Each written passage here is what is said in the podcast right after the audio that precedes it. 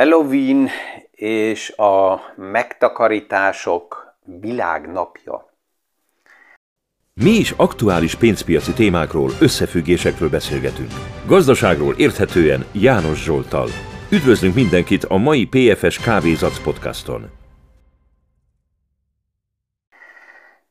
Két nagyon érdekes eh, event, legalábbis itt Ausztriában, október 31-e. Minden évben nem csak Halloween, hanem ez az úgynevezett megtakarítások világnapja is. Amit az idén láttunk, ez, ez ilyen horror sztorikra emlékeztet, tehát valahogy passzol Halloweenhoz. Főleg azért, mert a bankok oldaláról, a média oldaláról leadott szöveg ehhez a megtakarítások világnapjához azt, a, azt, a, az, azt az áldozat szerepet erősíti, és, és ezért nem állom meg, hogy ehhez ne szóljak hozzá, mert ez egy katasztrófa.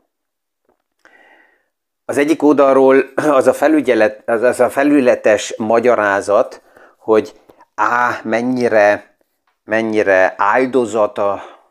kis megtakarító polgár, mert nem kap a banktól kamatot, és azt a pici kamatot is, amit kap, azt eh, felemészti az infláció, és hogy itt az Európai Központi Banknak kell lépni, és több kamatot kell fizetni, plusz az államoknak kell sokkal több segítséget nyújtani az embereknek, tehát ez így ebből az oldalról ez a szöveg, hogy ú, mekkora áldozatok vagyunk, és aki jön, és a politika, ha jön és segít, akkor ő jót tesz. És arról, hogy, hogy egyáltalán,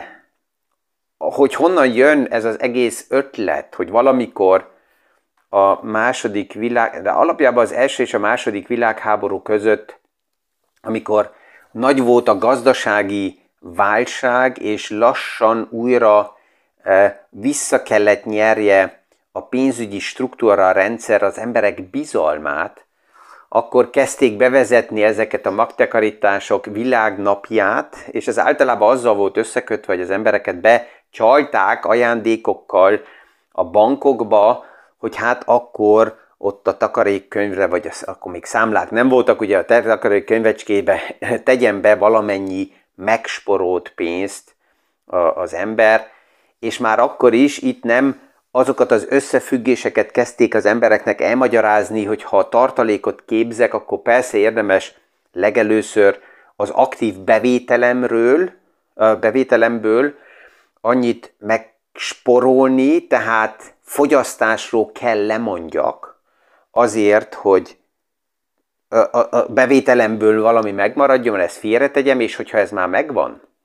és az a szükséges víztartalék, ami egy, egy normális háztartásnak itt tervezett kiadások nélkül ajánlott ugye valahol 3 és 6 hónap között, tehát hogyha egy háztartásnak így van 3000 euró havi bevétele például, akkor egy 4 hónapi bevétel 12 ezer euró. Jó, hogyha megvan, mint vésztartalék, ez legyen tőlem 15 ezer, vagy 20 ezer, ez, ez az a vésztartalék. Ennél a résznél valójában nem a kamata döntő, itt az a fontos, hogy hozzáférjek just in time azonnal, és biztos is legyen, ezért is persze, hogy nem érdemes ezt otthon, otthon tartani valahol, hanem, hanem egy olyan napi szinten hozzáférhető számlán, hogy ez legyen tényleg a víztartalék. És a többi pénz, ami ezen felül mind tartalék megmarad, ezt úgy befektetni, hogy vásárló erőt tudjak megőrizni magamnak. Ez a lényege a tartalék eh, képzésnek, ami a vésztartalékon fölött van meg, és eh, erről nem beszél senki. Az, hogy, hogy mik az alternatívák, ez hogy lehet, ez hogy kell kezelni, tehát ezért, ezért jött ez a reflex belőlem, hogy ez a rémképhez hozzá kell szóljak. Remélem, hogy azok, akik itt podcastot hallgatnak, vagy akikkel már hosszabb ideje beszélgetünk, azok vagy ezt elengedték a fülük mellett, vagy hasonló rémképnek élték csak meg, mert már, már tudják, hogy más a lehetőség a vásárló erő megtartásra, és itt az egyik interjúban jött is a, a, az egyből a, a kérdés, hogy jó, de hát ez egyáltalán működik-e, hogyha 2022-t megnézzük, akkor látjuk, hogy az árfolyamok sok befektetési kategóriába csökkennek, tehát nincs is alternatíva. Alapjában a megközelítés az már mutatja is a kérdés, hogy az illető valójában akkor még nem foglalkozott a piaci hátterekkel, és ezért nem is tehet erről szerintem, hogy nincs meg a szükséges háttérinformáció. Ezért pont jó, hogy akkor hallgassa a podcastot, és esetleg más anyagokba is nézzen bele, hogy, hogy kapjon információkat, hogy a piacban mi aktuálisan történik, ez milyen összefüggésekben látható, és um, hogy, hogy milyen alternatívák vannak, hol tudom valójában azzal a tartalékpénzzel, amit félreteszek, mind befektető, mind investor, és nem csak mind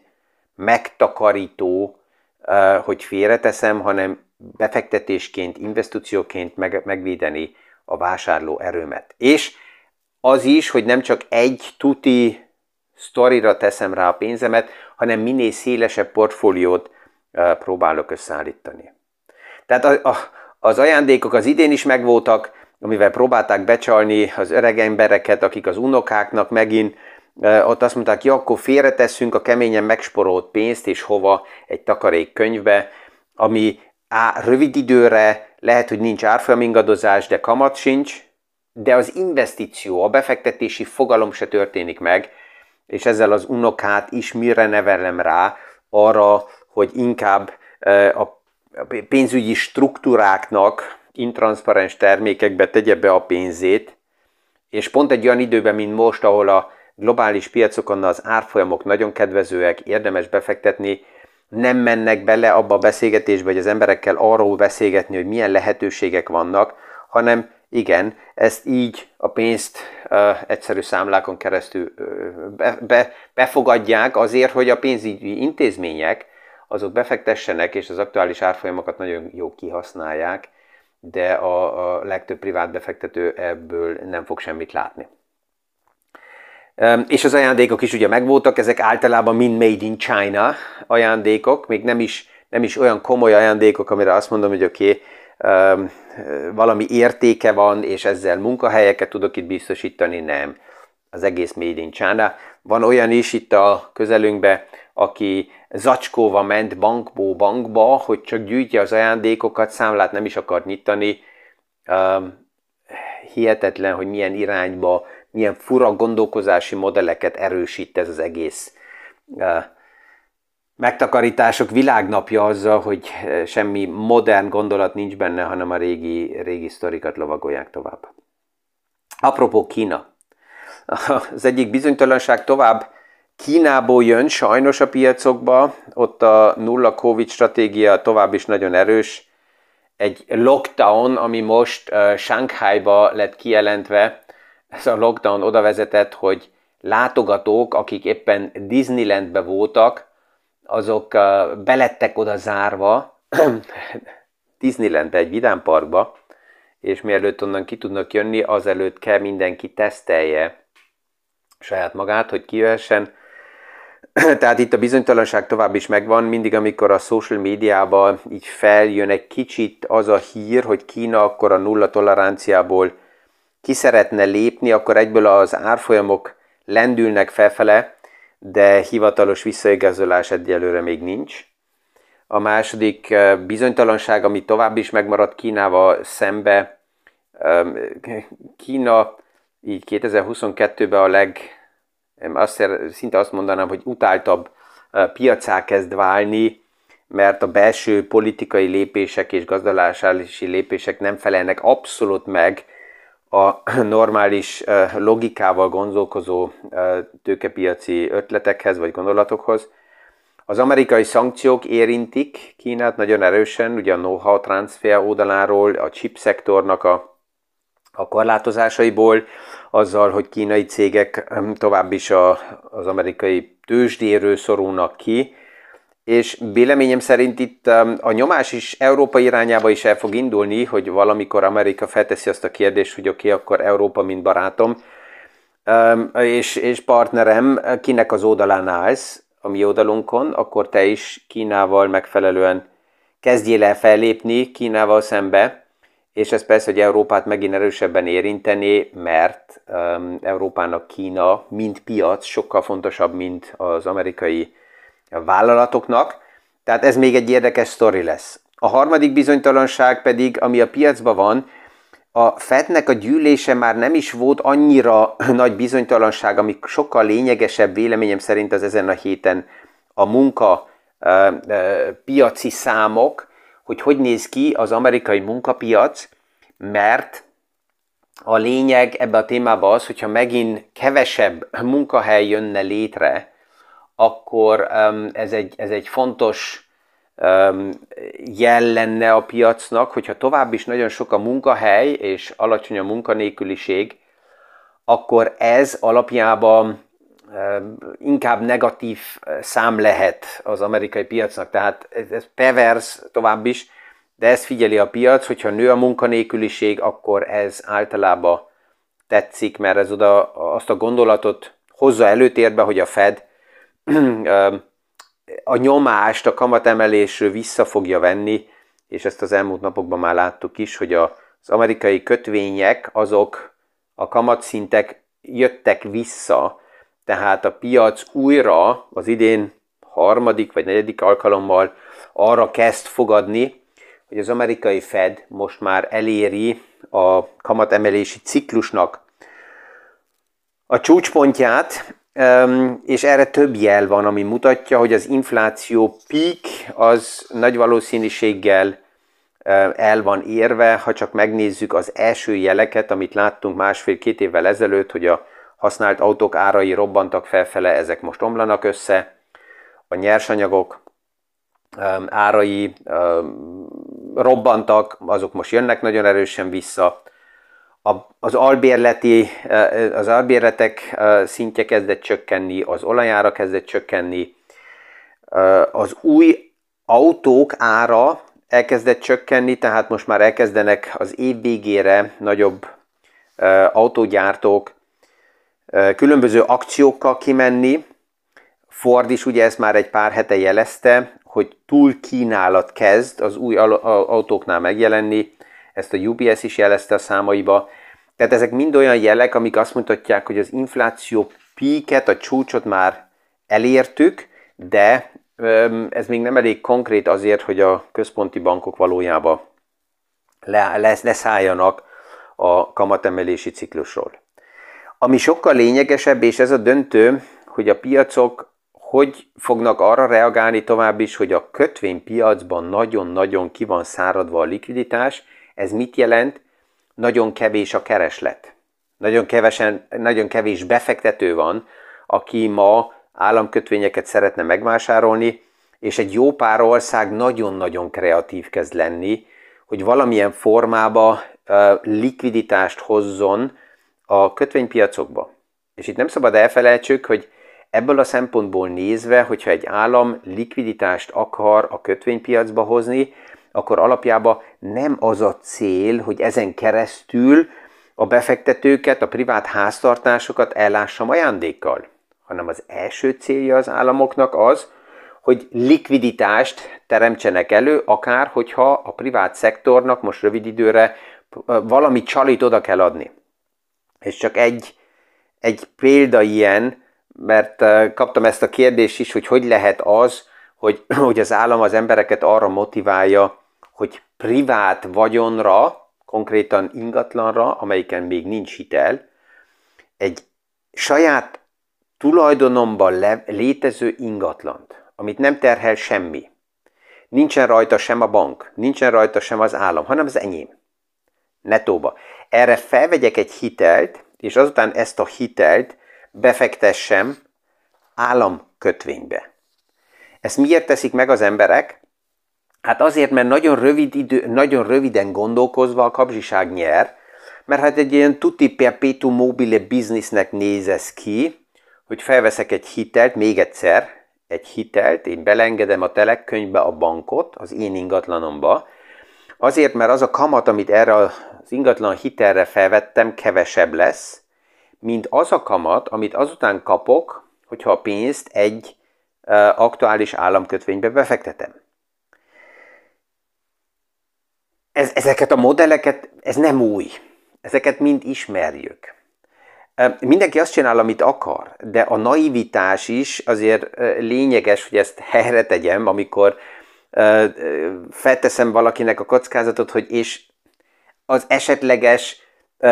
probléma nem a hitel oldalán, hanem a másik oldalon, az államkötvénynél, hogyha ez megjelenne, és az oda vezetne, hogy esetleg nem fog olyan szinten törleszteni az állam, vagy nem akkor, amikor én ezt elvárom. Európában egy pár évvel ezelőtt láttunk ilyen szituációkat, ez nem új, hogy államok kötvényeket nem fizetnek olyan szinten vissza, nem azzal a kamattal, amiben ígérve volt, nem akkor, amikorra ígérve volt, nem azt az összeget, mikor ígérve volt. Egy előny az egész konstrukcióban van, amit pozitívan nézhetünk, hogy legalább nem devizahitelekbe van ez a carry trade felépítve, de az államkötvényekhez újra és újra még egy másik témát is hozzá kell mondjak. Nagyapám egy, egy egyszerű gazda volt, de ő mindig nekem azt mondta, hogy fiam, mindegy, hogy melyik országba és milyen rendszerbe élsz, fizess rendesen ki az adót, és akkor, mint állampolgár, megvan a jogod vitára, megvan a lehetőséged beleszólni dolgokba, követeléseid lehetnek, de ahhoz egyszer kell a te részedet teljesítsed. És az állam abból a pénzből, amit bevesz az adóból, azzal megfelelően kell gazdálkodjon.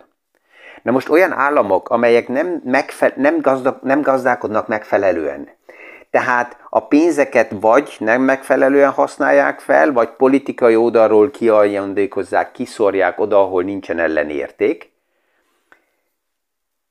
és akkor még pluszba államkötvényeket is bocsájtanak ki, akkor egy ilyen államnak miért adjak én privát pénzemet? Főleg az a, az a csali, hogy több kamatot kell fizessen, mint ami egészséges lenne a piac oldaláról, mi ami egészséges lenne a gazdasági oldalról. Ha, már, ha már valaki a privát, független, saját vagyonát be akarja fektetni, akkor a javaslatom csak az, hogy nem államkötvényekbe, hanem ha már kötvény, akkor egy egészséges vállalatnak, akár a kötvényébe, de ott megnézem a bizniszmodellt, megnézem, hogy mi az ötlet mögötte, mekkora az eladósodási szint, és hogyha persze ennyire foglalkozom a vállalattal, vagy egy bizonyos üzleti szektorral, akkor el tudom dönteni, hogy akkor vállalati kötvényeket, vagy akár már részvényeket vásárolok meg, de nem államkötvényt. Um, szerintem az államkötvény megvásárlási kérdés az az utolsó nevelési lehetősége a privát befektetőknek igenis megnevelni az államot azzal, hogy egyszerűen nem adom olyan a pénzemet, a privát, nettó pénzemet neki olyan egyszerűen oda, amit már egyszer megadóztam. Csak azért, hogy nekem magas kamatot ígérjen, és tovább az üzleti nem megfelelő viselkedését finanszírozzam. De, de, ez, de, de ez egy olyan téma, ami, ami többször fel fog még merülni, erről biztos, hogy a podcastokban még sokat fogunk beszélgetni. Tehát ennyi csak egy, egy válasz arra a kérdésre, hogy hogy lehet az, és mit szólok ahhoz, hogy ma um, országok erre motiválják az embereket, hogy privát hitelt vegyenek fel, és ebből vásároljanak értékpapírokat. Hát ez így működik, hogy az állam itt nem, nem az egyes privát befektető szemszögből, hanem az ő saját szemszögéből nézi a dolgokat, és azt, azt, azt a kérdést teszi fel, hogy mit kell, lógassak, milyen sárgarépa kell, hogy reagáljon a tömeg erre a sztorira. Amit még az elmúlt napokban ugye említettem, hogy az infláció ellen intelligensen hogy tudok megfelelő portfólióval fellépni, ez csak ment tovább a napokba. Ugye beszéltünk Chevronról, Exxonról, azután jöttek ki a számok Shell, Total, BP, um, Saudi Aramco-tól, és mindenütt hihetetlen számokkal, csak a Saudi Aramco számát kell még egyszer kézbe vegyem, mert ugye a többieket is említettem, 42,4 milliárd dollár, nem forgalom, nyereség. De nem évente, hanem a harmadik negyedévbe, 2022-be. És a legtöbb vállalat ebből mit csinál? A. Nagyon erősen investál a kapacitásokba, az infrastruktúrába, és ez az egyik legfontosabb investíció, hogy csökkenjen az olaj ára. Ezt azon keresztül lehet elérni, hogy a kitermelési infrastruktúrába investálnak. Plusz visszaadnak osztalékon keresztül a befektetőknek, plusz visszavásárolnak részvényeket, tehát egy őrület mind azoknak, akik azt követelik, hogy akkor a nagy ö, olajvállalatoknak a nyereségeit pluszba adózzuk meg. A probléma az, hogy ha megadózzuk, akkor nem tudnak investálni infrastruktúrába. Ha nem investálunk infrastruktúrába és kitermelésre, akkor a keresletet nem tudjuk megfelelően kínálattal ellátni, és ez azt jelenti, hogy akkor az olajára nem fog visszajönni. Tehát itt megint azt látjuk, hogy ebbe a témába is csak lehet, mint áldozat botlazozni az életbe, egyik panaszból a másikba, és várni, hogy jöjjön a manna, és ne kelljen reagáljunk, vagy pedig végre itt is az összképet nézzük meg, és elgondolkozunk, hogy hogy tudunk ebből kilépni, függetlené válni, függetlenen gondolkozni, és függetlenen felépíteni saját tőkét, amit megint függetlenen tovább kezelünk, és nem lépünk csapdába. Ezekkel a gondolatokkal ma is remélem, hogy sikerül motiváltan mindenkit ebbe a napba kísérni, kellemes napot, sikeres tárgyalásokat és a viszonhallásra a hónap reggeli PFS Kávézac podcastig. Thank you.